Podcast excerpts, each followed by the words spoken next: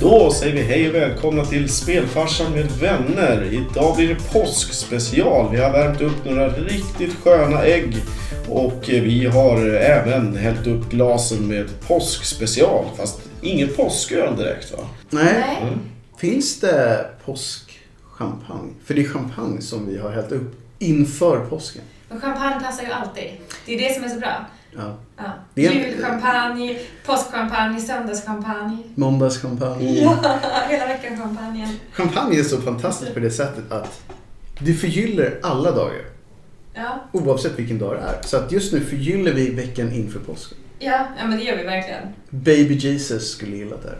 Han, hade ju, han är ju först på flaskan. Jag menar det. Jag menar det. Ja, det finns säkert någon påskchampagne. Det är ju klart att det gör. Champagne finns ju som sagt i alla varianter från efterrättschampagne, chokladchampagne och så vidare. Och så vidare. Så att, Så att, eh, ja, det kanske är en av de... Det är nog första gången vi har haft champagne i glaset på podden. Men Ja, se fram emot nästa påsk då är det dags igen.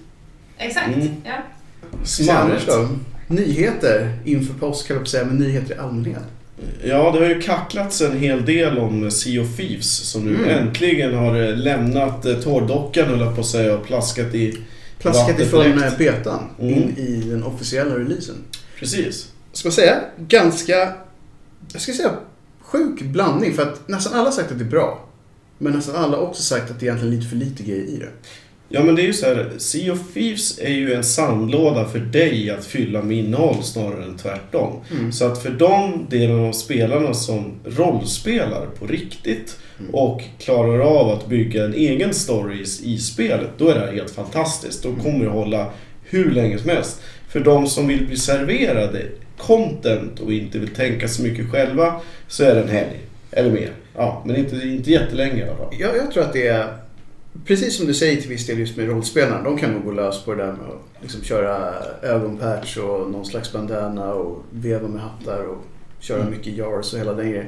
Och jag har sett en del, en del streamers som lever lite på att just köra roleplay. De har haft jättekul här spelet, men även där har man fått just åsikter kring att de saknar djup. Så att man kan inte låsa upp saker till exempel. Att man kan inte bli bättre på saker, man kan inte utveckla sin karaktär och lite sådana saker. Det tror jag en del hade hoppats att man kunde få. Att om jag kör det här så kanske jag åtminstone får tio nya pirathattar eller någonting. Men, men det som det är nu är att man får allting i sandlådan på en gång.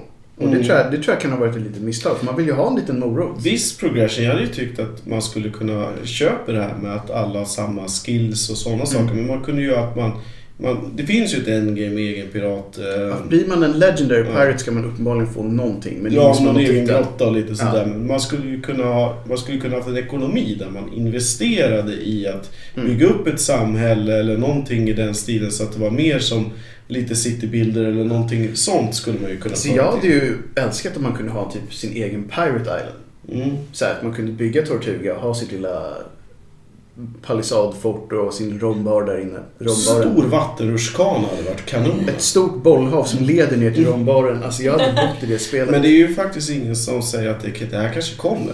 De har ju varit väldigt tydliga med att de har mycket jobb kvar. Det här är ett projekt som kommer hålla på. Det skulle vara någon enorm patch.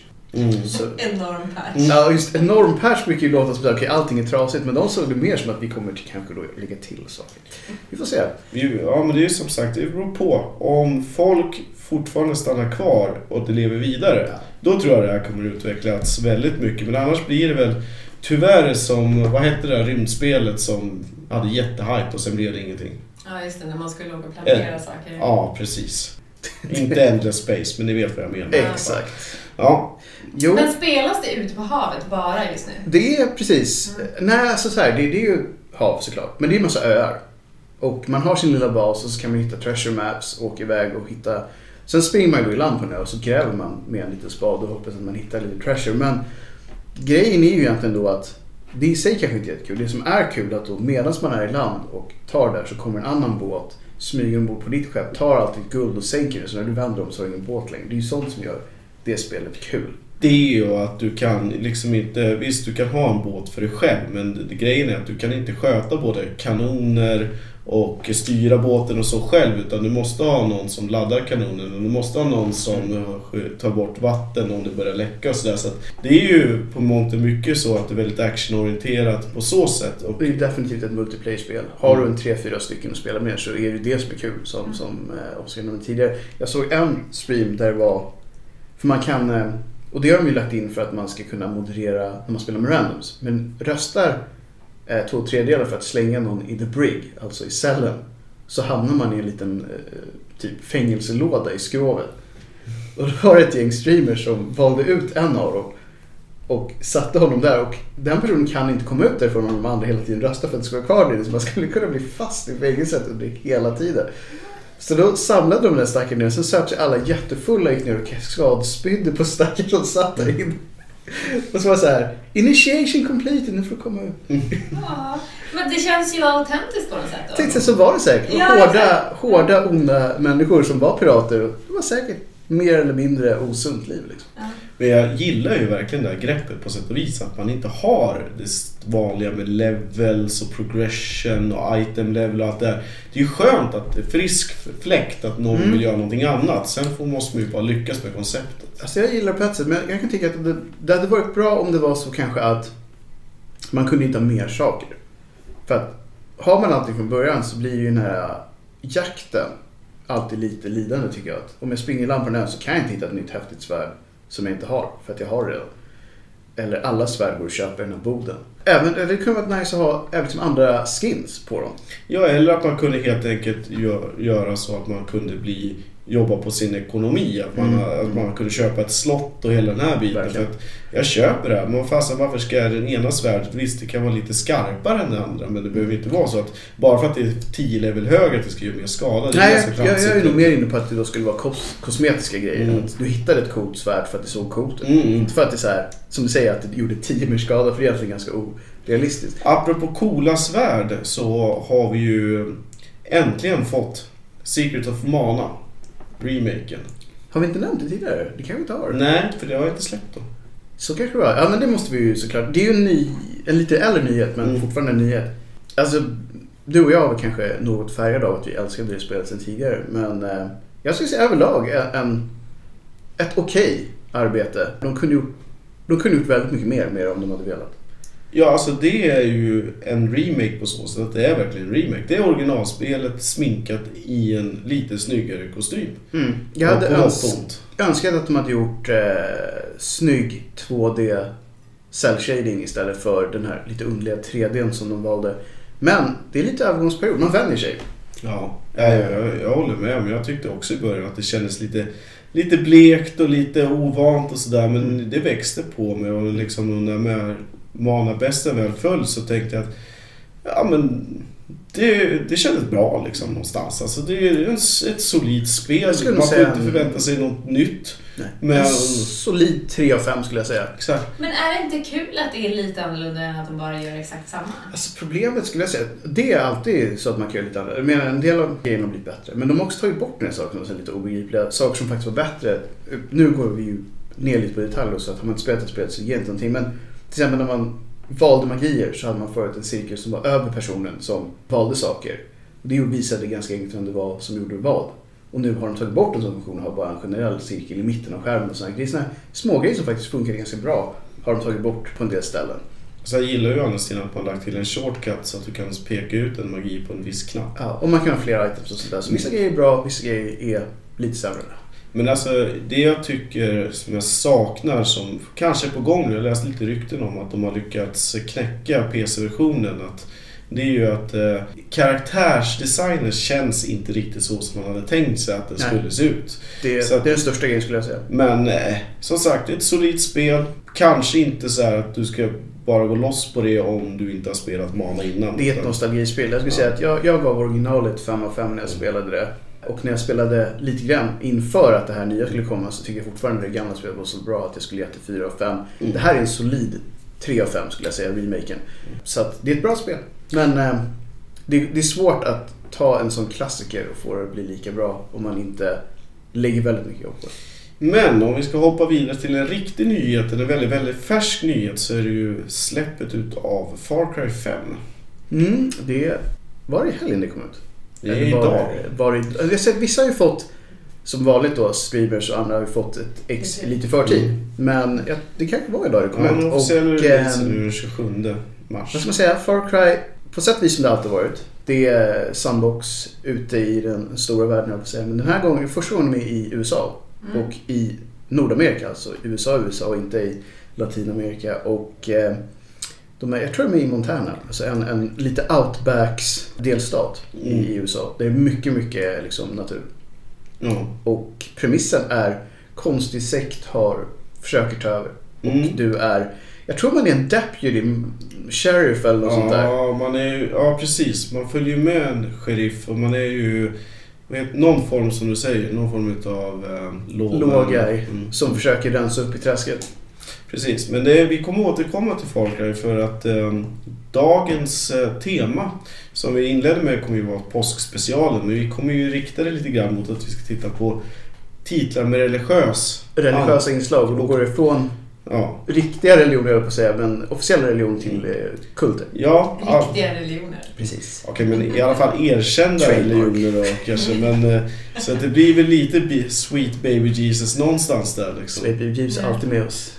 Så om vi börjar med Bassmaster. Där har vi schysst fiskereligion Det på är, ju, ja, precis, det är ju religion på något sätt. Det är säkert en fiskreligion Ja, någonstans. men det måste vi ju göra. Den stora Ja. braxen. Ja, oh ja, så många gudar. Jesusfisken har vi ju om inte Mm. annat. Jesus Fish finns där ute. Jo. Och om man ska dra det ännu längre. Fiskelement finns med i så många spel så Fishing Jesus finns med i många spel. Så alla spel är Så alla spel som man kan fiska i är lite religiösa. Kanske man skulle kunna säga. Som sista nyhet ska jag bara säga också att Nino Kuni 2 kom ut i fredags. Ja, Och eh, folk som gillar JRPGs och Ghibli-filmer så är väl det en ganska självklar och det finns säkert lite religiöst tema där någonstans också. Det gör det säkert. Eh, jag har själv inte spelat säkert mycket men tycker man om sådana spel så är det nog värt att ta ett litet kik. Precis. Och då går vi till Linda som har gjort en helt fantastisk lista med sköna religiösa spel för dagen. Ja. Så att du kan ju välja en het potatis att starta med. Jag tänker, precis, jag tänker hoppa rakt in på den här listan. Jag har eh, ett par spel som har någon form av religiös sekt i sig. Mm. Eh, och sen får vi väl avgöra i slutet då vilken, vilken sekt vi tycker bäst om. Och jag kommer vråla halleluja för varje titel också. Så alla är med på det. Ja, just du blandar in Jesus i alla sekter. Mm, halleluja. Ja, men det, det är Jesus bra. lives. Mm. Ja, eh, Shoot. och då börjar vi med Elder Scrolls. Mm. The Daedric Princess. Var det själva serien då antar jag? Nej, det är väl... För de är med i alla möjliga av dem. Exakt. The Ja, Daedric Princess. precis. Och, då, och, och frågan med de här är ju, är de goda eller är de onda? Som jag minns det, nu var det ju ett tag sedan man hängde så mycket med dem. De var ju med väldigt mycket i Morrowind Mm. eh, och Oblivion. Men inte säkert mycket i Skyrim för då hade de ju hela drak Mm. Eh, istället. Ja. Och det var mycket mer såhär Norse Legends. Men i Oblivion så har jag eh, de är lika nyckfulla som typ våra asagudar var. Att en del är genuint onda för att de är dåliga personer och en del är sköna lirare. Det var någon som var som de också byggde ett DLC på, att han har split personality. Så att han är både ond och god.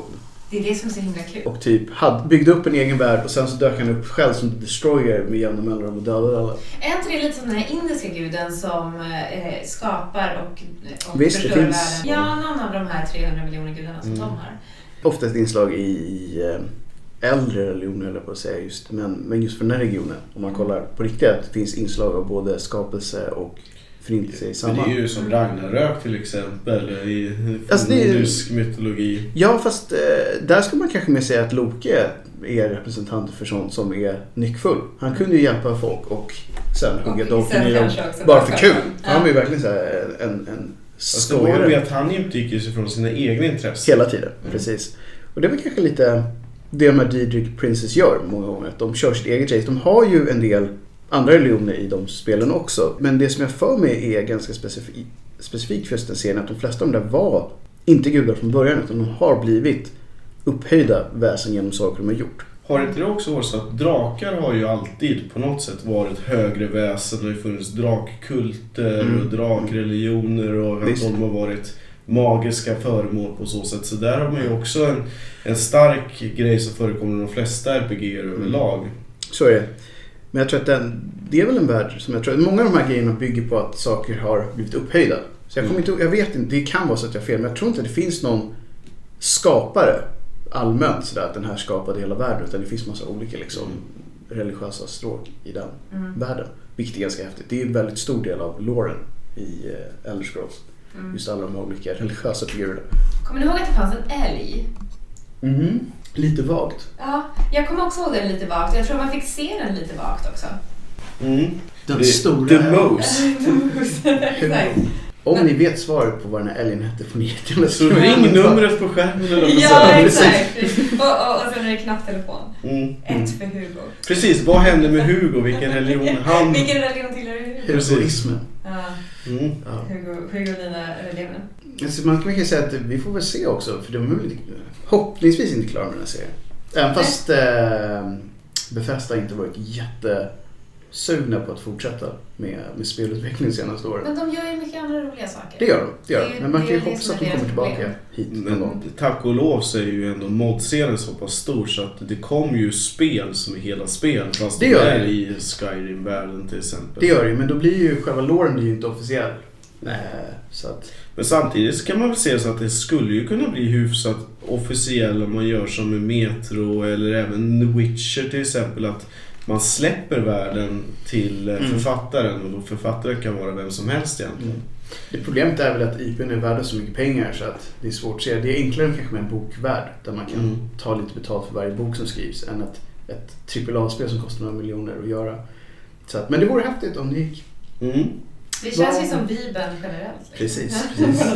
Allt till mig eller? Allt, allt till mig och mig alltid. Ja. Vad har vi mer på listan då? Mm. ja, vi har också den härliga sekten The Founders i Bioshock. Mhm. Mm. Det- Som ju är, det är ju fantastiskt. Founding Fathers. Mm. Mm. Mycket bra. Då pratar vi Bioshock Infinite antar jag. Ja. Mm. Som var, vad fan hette han? Father någonting. Oh, jag kommer inte ihåg vad, vad han heter. Men jag vill inte förstöra. För de få som av någon obegriplig anledning inte har spelat Bioshock Infinite, skam på er. Mhm. Eh, lite- lite så faktiskt. Men jag ska inte förstöra själva storyn. Men det spelet är genomsyrat av personkult som Mm. har blivit någon slags rivalisering nästan till eh, kristendomen skulle man kunna säga. Eller frireligiös kristendom. Mm. Men, och det är väl också en kvinna som har en ganska stor roll. Ja, det är det. är det. Utan att säga för mycket, absolut. Men det, det är lite Maria-rollen där också. Ja. För de, jag tror till och med att de drar paralleller med kristendomen när de Ja. kör det spåret. Men de allra flesta har ju, tag, har inspiration från någon befintlig som man Mm. delar sin egen twist och så är det ju de flesta även riktiga kulter och sekter. De tar ju sitt ursprung ifrån någonstans och så Mm. gör man sin egen grej av det. Alla religioner har ju börjat så, som sekter. Absolut. Och, eh, De har ju officiellt Men varit det sekter. viktiga är att det finns bara en gud. mm. Och det är hur. Frågan är vilken. Ja, Exakt. precis. Nej, som sagt just i, i Bioshock så har de ju dragit paralleller för att Columbia, staden som är i, var ju en del av USA och sen bröt de sig fria och bokstavligt flög iväg. Det är mysig grafik, jag gillar grafiken. Ja, den är jättetrevlig. Mm. Det är ett sånt där spel som jag hade för mig att det kom en remake till Xbox One. Men det har det faktiskt inte gjort. Mm. Det vore ju ganska härligt att få, för de gjorde ju det med eh, det första Bioshock. Mm. Att de hotade upp det. Men Bioshock har ju också varit lite så här otacksamt hittills på så sätt att det har varit enormt kritikerrosad men inte varit någon direkt kassako om man säger så. Alltså det gjorde väl okej som man säger. Mm. Det, det gick definitivt plus men det är, inte ett, det är inte ett Halo och det är inte ett Call of Duty. Just också för att det är det första spelet var ju också, det är ju ett rent single player-spel. Så det går, man spelar en gång och storyn var ju liksom 90% av upplevelsen. Det är lite Så- grann som Psychonauts också fast eh, Bioshock gick ju betydligt bättre. Ja, Bioshock gi- gick definitivt massivt plus. Men jag tror just att det, har man spelat en gång så har man fått ut liksom det mesta av den upplevelsen eftersom storyn är så viktig. Mm. Mm. Ja, det, är, det är i alla fall skönt att kunna återvända till ett spel som inte är open world som allt annat ska vara. Med Ja, det är, det är bra att fortfarande... De har ju skrivit en del eh, ganska nyligen om single player-genrens död. Att eh, de säger att den är på väg ut. Jag tror snarare att det är som vi har nämnt för att det är indiespelen som kommer ta över den biten. Ja, och sen allt går ju i vågor därför att folk kommer vilja ha... Det kommer bli så öppet så att precis som min råsågning av Metal Gear Solid 5 Mm. som finns att lyssna på så är det ju att folk vill ju också bli vägledda. Precis som i alla sekter och kulter och religioner. och så. Man vill ju ha guidning, man vill ju kunna få låtsas att man har frihet. Fast egentligen har man ingen frihet för det är någon som bestämmer åt en vad Ja. man vill göra. Illusionen av frihet. Ja. Så att det där, jag tror att det kommer komma en motreaktion. Man kommer att ha linjerade 2D-plattformsspel igen liksom. Ja, Ja, det tror jag absolut. Vill man ha en bra story är det jättesvårt att släppa den i en för stor sandbox-miljö. Då behövs ju verkligen en riktig AI som faktiskt tänker ut någonting. Men då är vi inne så här, varför ska vi göra nya spel överhuvudtaget? Kan vi starta det här spelet som en ny grej varenda gång jag startar det här? För det Ja. råkar vara det jag vill ha liksom. Nej men verkligen. Och jag tror att det är, det, är, det är svårt just därför att folk säger ofta att de vill ha en bra upplevelse. Mm. Men betyder det att de vill att det ska hända mycket saker eller vill de att det ska vara en bra story? Det är lite oklart vilket av det För en del, för jag vet nu när jag såg några som spelade Far Cry 5 och de sprang runt i skogen och träffade på lite saker här och där. Och sa det här är ju jättebra, det händer saker hela tiden. De människorna kanske inte bryr sig om att det är en välskriven story. De tycker bara häftigt att när jag springer ut i skogen ska jag bli anfallen av en grizzlybjörn och räddar en kille som var fast under en bil eller något sånt där. Ja, medan, medan jag själv tycker att indiespel är jättekul därför att de kan vara eh, allt från liksom 40 minuter till tre timmar eller kanske ännu längre såklart. Eh, Men det är så mycket känsla Mm. lagt i de spelen för man har verkligen kommit på sin story Mm. och man har, man har gjort spelet utifrån den storyn och då spelar det ingen roll att det är kort därför att storyn är så, man blir så tagen av den. Ja. Och det älskar jag. Men jag tror att det är en av de få spel som överhuvudtaget verkligen lyckas med konceptet Open World. Där folk gör sin egen story och det verkligen blir något av det. Det är EVE Online. Mm. För de core people som verkligen är där. där verkligen, det finns Oh ja. inget item som inte spelar kreerat. Mm. Det är bara liksom intriger mellan folk som försöker kontrollera områden. Mm. Allt annat är fake. Ja, jag håller helt med. Det, det, det är ett fenomen. Sen har vi ju, om vi tänker på ett spel som faktiskt inte är multiplayer överhuvudtaget men- och som har en story men som fortfarande var fruktansvärt tråkigt i min bok var ju Kingdom Come Deliverance. Som Mm. verkligen är Och den kändes som att det skulle bli så stort, det skulle bli så bra. Absolut, jag trodde att det skulle jag kunna bli så förstår häftigt. verkligen inte folk som tycker att det är ett bra spel. Nej. Alltså det är så urbota tråkigt så att det är inte sant. Alltså. Ja, alltså- tycker jag namnet är supersnyggt. Och det är ett jättesnyggt Ja. namn och det är snyggt, liksom boxarten är jättesnygg och konceptet är egentligen fantastiskt. Du är fast i Böhmen, liksom då, nuvarande Tjeckien på medeltiden och det är liksom problemen hopar sig. Någon är på väg att invadera, det är rövare i skogen. Men sen när de väl startar så händer ingenting. Nej. Jag tror det tog ungefär 20 timmars speltid innan du får ditt första svärd i ett medeltidsspel. Men det är jättekonstigt, Sverige borde ju ligga... Det känns lite grann som Lord of the Ring till SNES all over again. Liksom, Lite här. så, fast där var det åtminstone så då att man kunde skratta och ha kul. Liksom. Inte dåligt var. Det här är ju så här. Ta det här brevet och gå till X i grannbyn. Mm. För du har ingen häst, för du är fattig så du får gå dit. Mm. Det tar typ en halvtimme. Och på vägen så blev du rånad. Men alltså på riktigt så var det inte så att du kunde göra upp med det utan de bara dödade dig gav alla pengar. Alltså problemet jag har med den här spelet i serien det är att det är en så långsam version av egentligen är jag en väldigt sucker för den här typen utav RPG därför att min favorit när jag hade min stora era utav Drakar och Demoner det var ju verkligen så att du har suttit flera timmar, gjort den här hjälten som är jättemycket och så här, men det första som händer det är att du blir slängd i finkan, blir av med allting, du kanske vrickar foten och sen ska du på en jävla konstigt vänster krävlar ur härifrån och sen bygga ditt legacy och vad du nu gör. Men det går för långsamt. Jag skulle säga att det är pacingen som bara är helt fel i det här Mm. spelet. Sen att den har en multitud med liksom buggar och annat Mm. hjälper ju inte. Nej. Just när folk har 40 Så zero day patch liksom hela den biten. Ja, och även efter den så har det varit så att jag kunde inte klara spelet för helt plötsligt blev min save-fil korrupt. Det får inte hända ett spel där det tar 40 timmar att skaffa en häst. Men jag tänker när vi ändå håller oss i Böhmen eller på att säga, Mm. eller i alla fall i Europa, så en serie som verkligen haft eh, väldig koppling, speciellt till kristendomen, har ju varit eh, Castlevania-serien. Ja, alltså den har ju, fastän du då är en vampyr och det är Dracula och hela den grejen, men Belmonts-familjen är ju ute för att med hjälp av liksom helig vrede ha ihjäl den här Ja men det är det ju verkligen. Det är så här, man piskar ihjäl Man har korset. Man har korset, Vigvattnet. Det, är- det, är, det är verkligen så här att det är ju någonstans korshjältar på ett eller annat sätt Alltså, är- som slåss mot den mörka Det är kraften. ett korståg mot ockulta och kollar Mm. man bara för att ta då den tecknade Castlevania på Netflix. Där är det ju till och med en ond påve eller Mm. en ond biskop tror jag Ja. som bränner folk levande som skapar hela konflikten till att börja med. Så det är ju en jätteintegrerad bit av den serien. Och ganska mycket sådana ikonografier och bilder och sånt där. Så. Och den här serien har ju också varit mycket sånt där som i början när man tittar på traditionell översättning och sånt. Där var det ju så att där fick man ju byta ut, där fick man ju inte skriva till exempel Gud utan man hittade Nej. på någonting annat. Saker som var Gud fast som Mm. kallades någonting annat. Men så är det ju ganska ofta. Att man vill vara på den säkra sidan så man hittar Mm. på sin egen variant av någonting som finns. Men det intressanta egentligen med hela Castlevania och även Dracula överlag, det är ju att Dracula i sig var ju en god person, en kristen person från början, men som kände sig så sviken Mm. utav att livet blev som det blev. Så att man liksom gjorde en, en deal med djävulen typ, eller Mm. liknande. Att det hela att lät mörkret falla in om man säger så. Ja, och tar man nu den senaste iterationen så var det ju så att han försökte hålla sig på rätt kant. Men sen så kom de kristna i, i kyrkan Mm. och förtryckte vetenskap. Mm. Han var mycket för det. Och brände hans liksom, familj på bål för att Mm. de var vetenskapsmän. Och i deras fall blev då son blev som djävulsdyrkare. Så Mm. det, det är ju en gråskala. Eh, Även fast i spelen är det kanske inte så mycket lore som man märker av. Där är det mer så att du med din oxpiska ska döda alla bad guys liksom. Men jag gillar ändå den här enkelheten någonstans. men att det- bara, ja, men he, ta den här piskan, slå ihjäl allt, det känns bra, det är coolt nu liksom. Förutom i Simons Quest. Mm. Men där, det, det är ett helt annat kapitel. Jag tycker fortfarande att det är ett bra spel, jag ska bara ha det sagt nu. Ja, precis, precis. Nej men definitivt. Har vi något mer från den här Mm. fantastiska listan? Vi har ju det. Ehm, Fallout 3. Mm.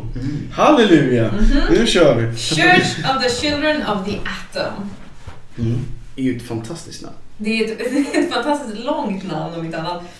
Jag tror faktiskt de aldrig hade någon förkortning för det heller. Nej, det, de körde på Eller de kallar det bara The Children kanske. Ja, kanske. Jag minns inte riktigt. Men de var ju den här mega, Megaton. Mm, Megaton. Eller vad staden hette. Som ju var efter någon slags atombomb hade, Ja. hade pajat allting. Jag tror man till och med kan spränga den stan igen som typ ett av de första questen. Om man är eh, beroende på vad man väljer så kan man spränga en atombomb i Megaton och bara utplåna stan på en. Det är så redundant. Verkligen. Ja. verkligen.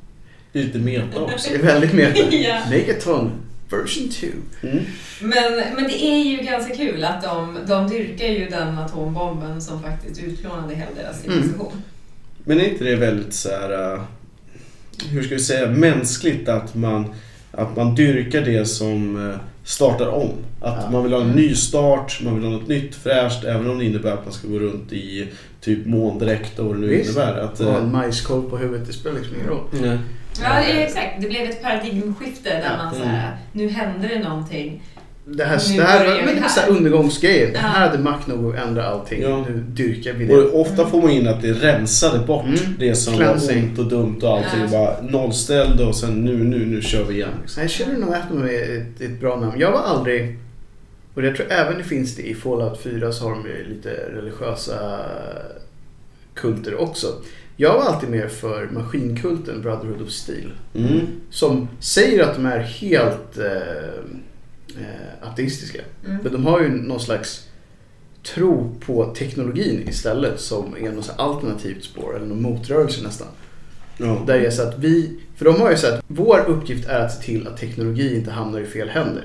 För att vi anser att det är det viktigaste som finns och vi är de enda som kan ta hand om det. Så det är så här, lite samma strömningar och tankesätt fast de ser det mer som att vi, vi sköter det här så att du inte behöver. Jag tycker det är så fint för det, det är på, på något sätt så ironiserar ju det över de religioner som Mm. är erkända. Visst? Fast, på, och det är ju exakt samma sak fast Ja. helt annorlunda. Så att Det som är man- bra är att de själva in, inte ser sig som religiösa alls. Nej. Fast de egentligen har någon typ av teknikkult. Ja. Fast det där återgår finns ju väldigt mycket till exempel i Shadowrun. Mm, med visst. eh, hela cyberpunk-biten och att det, där man eh, glorifierar just eh, till exempel att man byter ut kroppsdelar mot Visst, visst. Man uppgraderar sig. mm, Mm. blir ett med The Matrix. så att Mm. Nej, så det, det finns mycket strömningar i de spelen också. Ofta ap- postapokalyptiska spel har ju nästan alltid minst en kult. Mm. Och det är nästan aldrig, tror jag faktiskt, eh, jag har säkert fel, men oftast är det ju inte de erkända religionerna som är med i sådana spel. Utan nästan alltid något nytt. Men det, det tror jag skulle så det skulle bli också. Därför att människor behöver ju ha någonting att knyta sig till när det är någonting extremt som har hänt. Mm. Oavsett om det är militär eller om det är en kraftfull person eller vad det nu är. Mm. Och då tror jag det är väldigt lätt att man tar till att man hittar på någonting som känns tryggt Mm. och så bygger man en tillvaro runt det. Ja, något nytt helt enkelt. Men ett av de roligaste postapokalyptiska spelen som finns, Mm. mest för att det är så mycket kontroverser, eller var så mycket kontroverser runt det när det kom ut, det är den här Left Behind, Mm. Eternal Forces.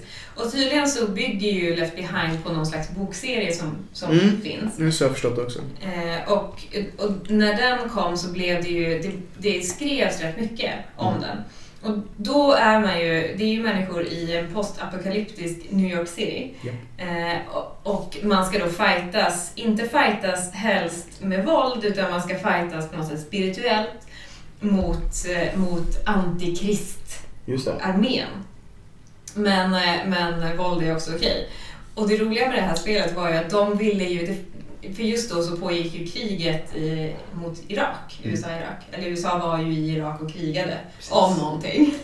Och då ville ju liksom USAs armé på något sätt skicka så care packages till alla sina soldater som var där. Och då skulle det här spelet ingå i det för att man skulle komma ihåg att man fightas för den kristna tron. Mm. Men, men sen, sen stoppades ju allt det för att det blev lite för Baby. Jesus. ja. Och det är, Sweet och det är baby Jesus. jättekul, hela grejen är ju kul. Det känns som en väldigt amerikansk grej också. Ja, verkligen. Och, och för sen fick ju det här spelet också kritik från liksom, kristna grupper och från judiska grupper och sådär. Så att det är mycket, jag vet inte vem som gillade det här spelet egentligen. Men det är alltid en, en, en het potatis, eller vad man kanske ska säga. Ett hett ägg, säger inför oss. Ja, exakt. Ett stekt ägg. Eh, Att håller man på med, med, med kristna spel, speciellt skulle jag tänka mig i USA, så får man antingen med sig hela lobbyn. Mm, Eller så får man emot sig hela lobbyn. mm. För att de tycker att man har tagit någonting fel eller man gjorde någonting kanske lite för mycket eller liksom visade upp fel grejer. Och de är ju väldigt duktiga på att lobba. Precis. Ja. Så får man det emot sig så kan det vara så, okej det var, Det, var det är lite som att göra en höna av en fjäder. Oj. Mm. Oj, Ta, ta, ta, ta. Precis. Men lite så är det faktiskt. Jag tror att får man med sig dem så kan man säkert sälja x antal exemplar mer. För att då går de ofta ut och säger att det här är alla righteous eh, believers borde skaffa sig ett, ett ex av det här. Mm. Och det, så var det ju också med det här spelet, därför att det såldes ju i kristna bokbutiker. Eh, och ganska många ex också av Mm. det. Vilket är, ja. Ja, men det är, jag tycker det är jättekul. Eh, Det var fascinerande att läsa om storyn bakom det här Det spelet. var ju faktiskt det. Jo, man ska ju inte underskatta kraften utav, det märker man ju oavsett om det är våld eller sex eller religion eller någonting, att kan man hitta rätt punkter så kan man sälja väldigt mycket bara på det. Precis. Ja. Så är det ju helt klart. Mm. Nej, det, det var definitivt en, en relativt nyligen också. Att det, så det är definitivt fortfarande en grej, Mm. får man ju säga. Jag tycker det är jättekul. Men i motsats till den här Steel, Mm. Brotherhood of Steel, så har vi ju eh, Final Fantasy 10. Där de har den här Jevon.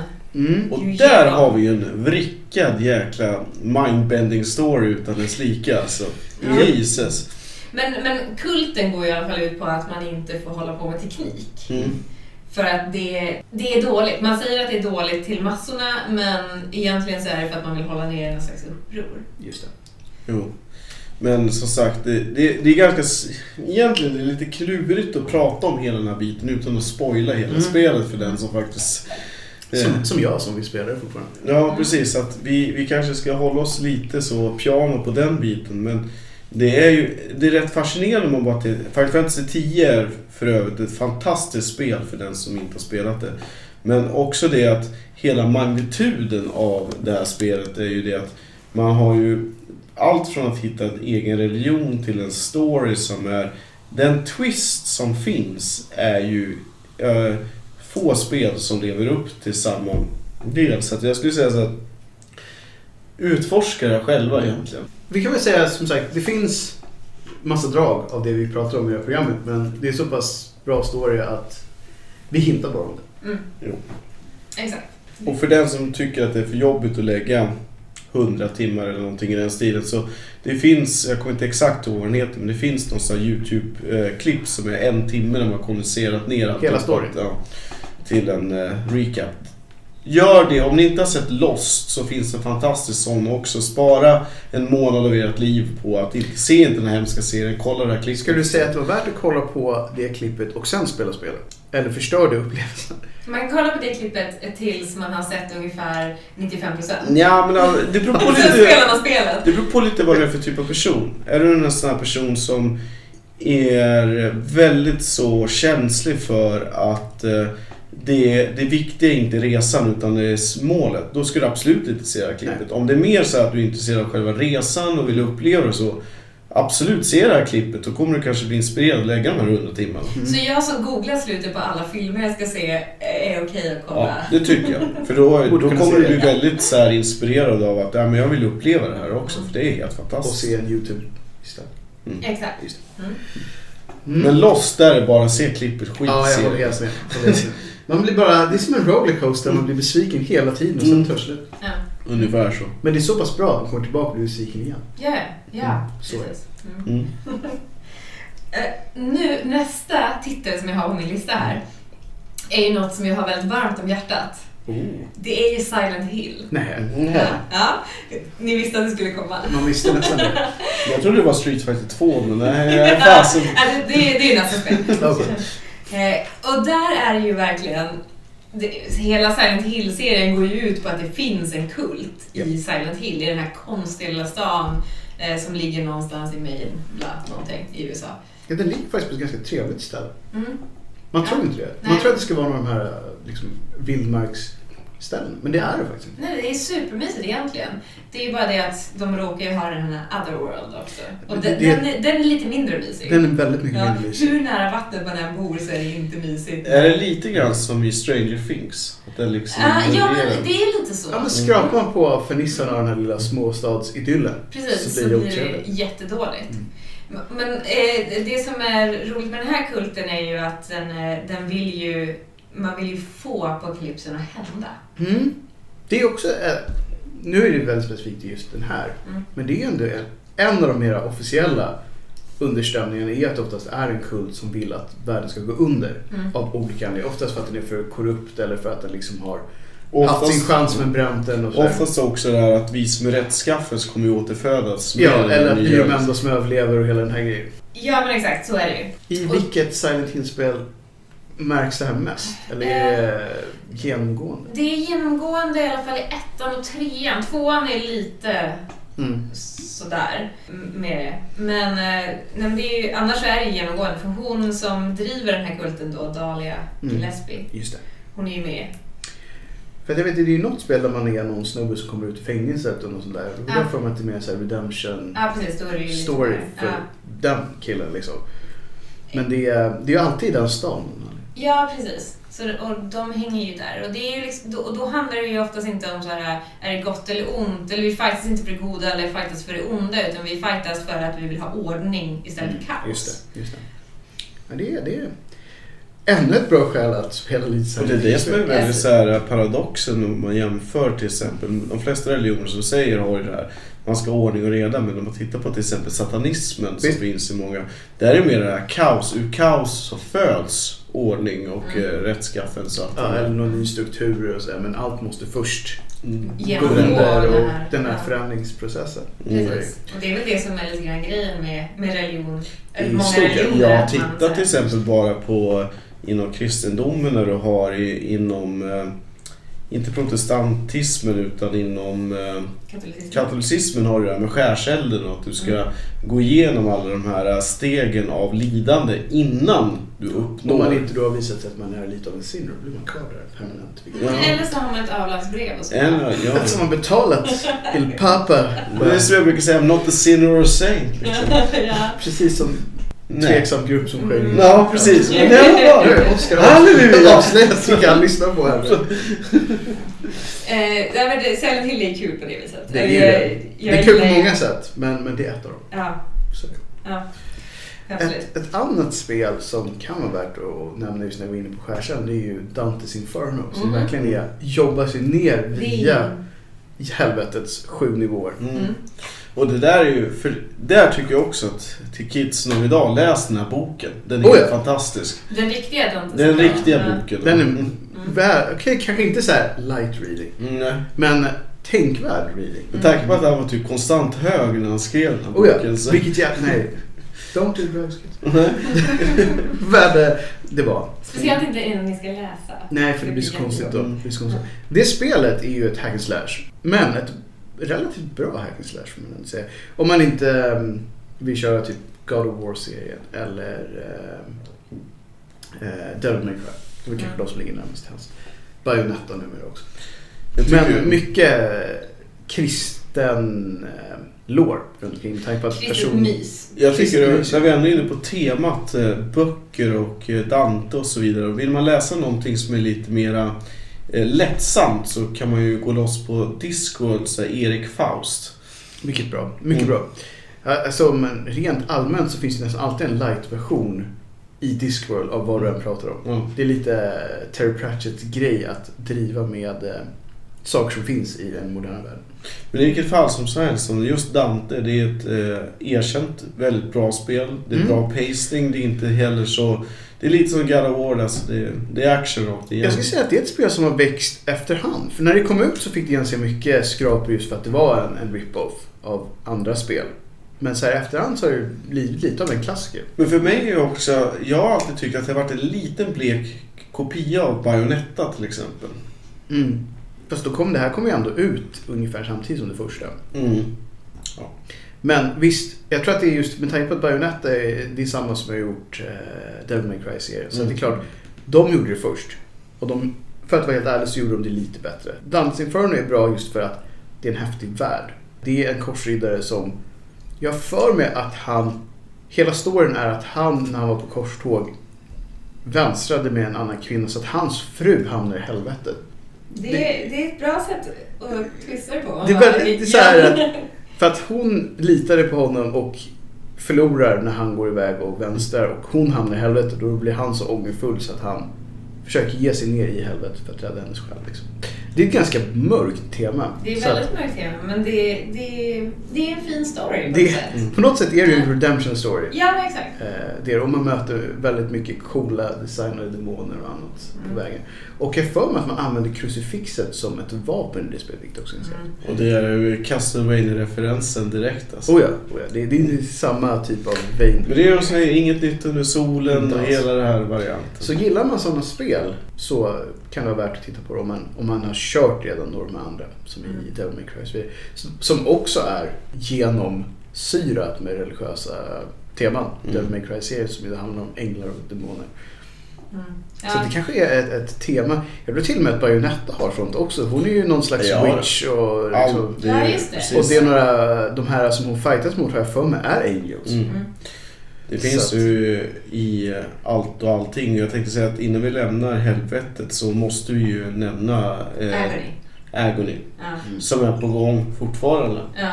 Där är ju verkligen så här att du på något sätt har blivit förpassad till helvetet och ska ta det därifrån. Ja. Ja. Och, och kolla på trailern för det. För Mm. det, är, det, det är verkligen obehagligt men mys. Alltså det är så fantastiskt Det beror nog lite bra. på vem du är som person. Ja, Hur exakt. du uppfattar Ja. det. Vi får ta igen, som jag sagt i flera andra avsnitt. Vår definition av mysigt är inte kanske den gängse bilden av mysigt. Nej, är det inte mys och gulligt och Vi tycker ju oftast att skräckspel är mysiga, till Ja. exempel. Bara för att ha en fingervisning om vad vi tycker. Så ljuden bara i den här trailern av Mm. Agony är ju fantastiskt mysiga. För oss, ja. Ja, Mm. exakt. Stämningsfulla skulle man kanske säga. Väldigt stämningsfulla. Jag, ja, jag skulle inte våga spela det ensam en mörk kväll. Vilket är ett bra betyg. Ja, Precis. exakt. Men då måste man ju också i samma, en, ja, samma anda nämna i hela domserien. Åtminstone Ja. den första. Definitivt den första. Mm. Men jag tycker även det senaste hade väl en del sånt, var det inte så? Det sägs ju att det var, att det var så. Jag har ju inte spelat Det det, var ju- senaste. Alltså jag har egentligen inte spelat Dom på riktigt sen eh, Dom 3. Men, Körde inte du det, det nya? Jo, jag spelade det nya. Men det är ju också så att jag hade lite väl mycket så här nostalgibriller på mig när jag spelade där. Så att det har inte lämnat några direkt djupa... Eh, Jag hade- Det var ett schysst röj, men Ja, det var det. mer... Det var det. Men är inte det det alltid har varit? Om man ska veta. Ett schysst röj. Men är ett ganska bra betyg. har ju historiskt sett fått väldigt mycket kritik från just att det har väldigt kopplingen till satanism Mm. och hela den här biten. Hellgate och Men Hellgate. precis som till exempel att eh, Wolfenstein har blivit mer rumsrent med åren så är det ju även i, idag så är det ingen direkt som reagerar på hela dombiten för det finns så mycket annat värre. som är mycket mera explicit Visst, eller grafiskt och så vidare. Så är. Nej, jag tror att... Eh, jag skulle säga så här. För er som gillar FPS eh, och aldrig spelat ett Doom-spel, värt att kolla på det senaste. För Mm. att det är uppdaterat och det är som Oskar säger, det är bra röj. Och ganska svårt. Ja, plus att jag gillar att de har även fått in det som har saknats i ganska många FPS-spel, att man har ett schysst milesystem. Mm. Så att det är värt att gå i närstrid med fiender. Japp. Och det som, om man ska ta med sig någonting från det spelet som är faktiskt helt fantastiskt, så är det det de har gjort med soundtracket. Det är en av Mycket, de mycket bra. absolut bästa FPS-soundtracks som någonsin har gjorts. Och en rolig detalj. Även fast det låter så, det finns inte en enda riktig elgitarr i hela soundtracket. Nej. Det är Vilket, bara gjort utav väldigt mycket konstiga ljud, bland annat typ så här valrossar och allt Ja, möjligt skit. Som det, är, det är ett erkänt bra soundtrack och Mm. eh, nästan värt att lyssna på även om du inte vill spela spelet. Ja. Skulle jag säga. Och en bonus är också att har ni inte spelat det gamla spelet, spela det här. För att de har gömt de klassiska banorna som Easter eggs i eh, nivåerna. Så ni kan spela igenom hela det första spelet via det här spelet. Mm. Vi Så att- borde, vi borde ha gått igenom Easter Eggs-spel. ja, precis. Det har vi också gjort, men det, det får vi ett eget avsnitt. Men nästa år. Nästa år blir det. Så vad är egentligen, om vi tar det väldigt snabbt då. Vad är det att mest så här, om, om jag säger Easter egg, vad är det första du tänker på? Jag kom bara, jag faktiskt inte på ett enda. Jag kom bara på brödrosten i Gears of War. Jag skulle vilja säga ufot i eh, GTA 5. Ja, den var fin. Den var fin. Eller alla ufo-sluten i, i uh, Silent Hill. Mm. Ja, det finns ju en del bra, bra Easter eggs helt klart. Du har väl klassiker som i Deep Nukem 3D till Ja. exempel. Den är bra. Får se om det finns några som är... EF ufot i... ehm, som man hittar i GTA, är det ett Easter egg eller var det planerat? Det är ett Easter egg. Det är Det, det var planterat. Mm. planterat. Planerat och planterat. Men jag tror till och med att det finns, det finns väl även ett UFO i Fallout 3 tror jag. Mm. Som man kan hitta ute i ingenstans. I alla moderna ID-titlar finns ju Ett UFO Ja, någonstans. Det är liksom den, den, den genomgående. Jag tror också eh, i eh, Rage så har de ett väldigt bra Easter egg. Om man trycker på en knapp så kan man ju komma till typ Wolfenstein eller vad det nu är för någonting. Annars ska vi säga att det mest spektakulära Easter egget som har hittats någonsin måste ju vara Hot Coffee Patch i. San Andreas. Ja, det mest kontroversiella Easter egget helt klart. Mm. Det fick ju så extremt mycket reaktion för något som egentligen är ganska tamt. Mm. Speciellt i dagens internetvärld. Jag menar, alla vill ju ligga och internet är för porn och allt vad man nu... Liksom. Ja, så jag läste bara nu i, i ehm, jag tror det var bara för några veckor sedan att det fortfarande var sådär att om man slår ihop all trafik för Twitter och LinkedIn och Facebook och så vidare så kommer man nästan upp i dag, den dagliga sökningen efter porr på internet. Så det är fortfarande Ja, en grej. Det är väl fortfarande så att djupporn står för fortfarande för åtminstone 25% av dagliga Ja, nättrafiken. så det, det, det, är fortfarande, det är fortfarande ett faktum att internet används mest för porr. Mm. Hur man än vrider och vänder på det. Och då kan man tycka att Hot Coffee Patch Mm. i ett dataspel kanske inte var så farligt. Och I är- GTA. I GTA. Och är ni sugna på porr höll jag på att säga, då kan ni ju lyssna på vårt avsnitt som heter 18+. Ja, där vi ju dissekerar det här lite mer. Mm. Men det är ju väldigt konstigt just hur vissa saker behandlas på ett eget sätt. För jag menar, jämför man här med som sagt allt det annat som är 18 plus så är det här typ ingenting. Och det där tycker jag är lite lustigt om man knyter lite ämnet hur till exempel att i vissa sammanhang att det kan vara okej med någonting till exempel som är helt rent pornografiskt. Mm. Men det är inte okej att prata om till exempel islam eller någonting annat som är religiöst bundet. Ja. Sen, men det, är- det är ju egentligen ett eget program just det att hur man väger saker. Att sexuellt är alltid ett farligt område men man kan skjuta folk i facet Exakt. med Våld, shotgun. våld är helt okej. Liksom man kan gå lös med allt möjligt på folk i spel. Mm. Och det enda som händer är såhär, ja men du måste vara 15 plus för att spela. Mm. Mm. Fast du just körde liksom en, en drillborr i facet på någon. Ja, Vad var egentligen farligast? exakt. Ja. Lite sex. Mm. Ja, nej. Men nu, då är vi ju tillbaka till det här med eh, ja, men, eh, samhällets syn på olika saker. Det har alltid och kommer alltid vara mer acceptabelt att klappa ihjäl någon för att han har gjort något fel än att han ska bete, bete sig osedligt. Ja, visst. Men exakt, och det här, Det är där det. har vi ju religion att skylla ganska mycket. Ja, det är det. Liksom vad som anses vara okej. Fast egentligen är det verkligen religionen Ja. eller är det tolkningen som gör det? För jag tänker mig så här att Alltså religion är ju tolkning. Och jag tror att prydheten finns med i nästan alla religioner. Ja, exakt. För det, det som är religion är ju egentligen tolkningen av eh, religiösa urkunder. Så, att, så att ja, det är... Fast samtidigt så är det ju så här att de flesta, det som jag tycker är roligt med de många av de nya religionerna så är ju fri sexualitet oftast det första som kommer till. I alla fall så länge som Men den så, som leder får göra vad så har det ju alltid varit. Mm. Så har det ju alltid varit. Ja, menar ett spel som har alla de ingredienserna som vi faktiskt inte nämnt. Men det var ju Outlast Ja. 2, Mm. kanske vi ska säga. Som ju var så här, åh nej gud, det här är någon slags eh, satanistiskt sexinslag. Australien slog bakut och förbjöd spelet och sen så blir. Men Australien förbjuder ju allt Ja, som de precis. Sen tror jag de kommer- ner sig lite grann och censurerade det kraftigt istället. Men det hade allt det där. Mm. Och det var väl någon typ av, jag har inte spelat det särskilt mycket. Men det var någon slags kult. Och det var någon satanism och det var någon slags orgie i en skog. Och allt det där var ju farligt Mm. för många liksom. Och så kom Hugo och bara Hallå! Alltså Hugo Ja. hade kunnat rädda läget möjligtvis. men- Jag tycker att det var ganska många andra saker i Outlast Mm. som man hade kunnat reagera på. Ja, så man blir korsfäst till exempel. Ja, i princip. Och det kan jag tycka så här.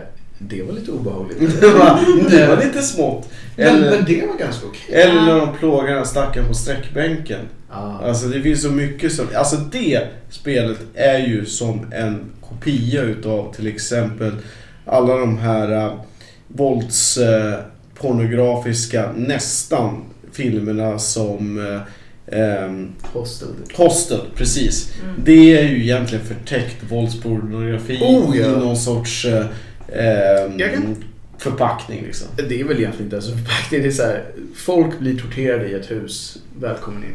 Mm. Typ så. Och, och Outlast kan jag tycka... Nu kan jag tycka att tvåan var inte lika bra som ettan. Men det hade mest att göra med att jag tyckte att storyn var mycket sämre. Mm. Men det som gjorde Outlast det första bra var ju att det var grovt. Men det hade en story. Mm. Medan tvåan var mer såhär, åh nu var det bara grovt. Mm. Vi är ute i skogen och folk mår dåligt och vi torterar folk åt höger och vänster. Men det där har ju visat sig att den bästa skräcken är absolut inte eh, explicit. Nej. Den är väldigt subtilt och det har man ju eh, insett ända sedan till exempel Hitchcocks eh, originalfilmer och allt vad Så här är det ju att det går inte att slå den mänskliga fantasin. Mm. Om du själv får komma på vad som händer bakom den där dörren så kommer det alltid bli vidrigare än det du kan visa. Mm. Utom hundarna i Resident Evil. Ja, för fan hundarna i Resident Evil Mm. alltså. Indeed. Indeed. Det, var, det, alltså det är det värsta, ett av de värsta momenten verkligen från hela min skräckspelskarriär Ja, de är ju i Resident Evil 1 när man kommer in i den där lilla korridoren och man tror att man är safe. Så Och så går två helt hundar in plötsligt- genom fönstret. Ah, Och man blir rädd. ja, man blir jätterädd. Eh, Det, det är inte bra. Nej, Men där har man ju också verkligen lyckats med det här klassiska scare eh, av att man Alltså jump scare som jag Mm. tänkte på. Nej men verkligen. Klart. Men ett spel som jag måste nämna i det här sammanhanget. Right. Det är ju det här olicensierade, det enda olicensierade eh, Super Nintendo-spelet som har kommit ut som heter Super Noah's Ark. Är det schysst eller? Alltså det är så Är det schysst nog att uppleva nu? Ja, tydligen. Jag var tvungen att kolla lite grann på Ebay och sådär vart man kan köpa gamla Vad spel. Det går ju för ungefär en tusenlapp. Oh. Det finns många andra Super Nintendo-spel jag hellre skulle lägga en tusenlapp på. Ja, ja, verkligen. Men det är ju så gulligt. Det är, man, man, är ju, man är ju Noah, man har sin ark och Är den byggd redan? Bara? eh, den är färdigbyggd. Den är färdigbyggd. Det är lugnt. Mm. Man behöver inte fundera på Man- det. okej, Nej, det är inte ett det är ingen. Simcity. Ja, Precis, det är ingen- building här inte. Man har sin ark, man har sina djur. De sitter i sina små pens, Mm. eh, där vart de bor. Burar eller vad det är. Stall. Eh, Spiltor. bås. Bås. Bås och Spiltor. Ja, just det. Eh, Två ord som är bra att lära sig.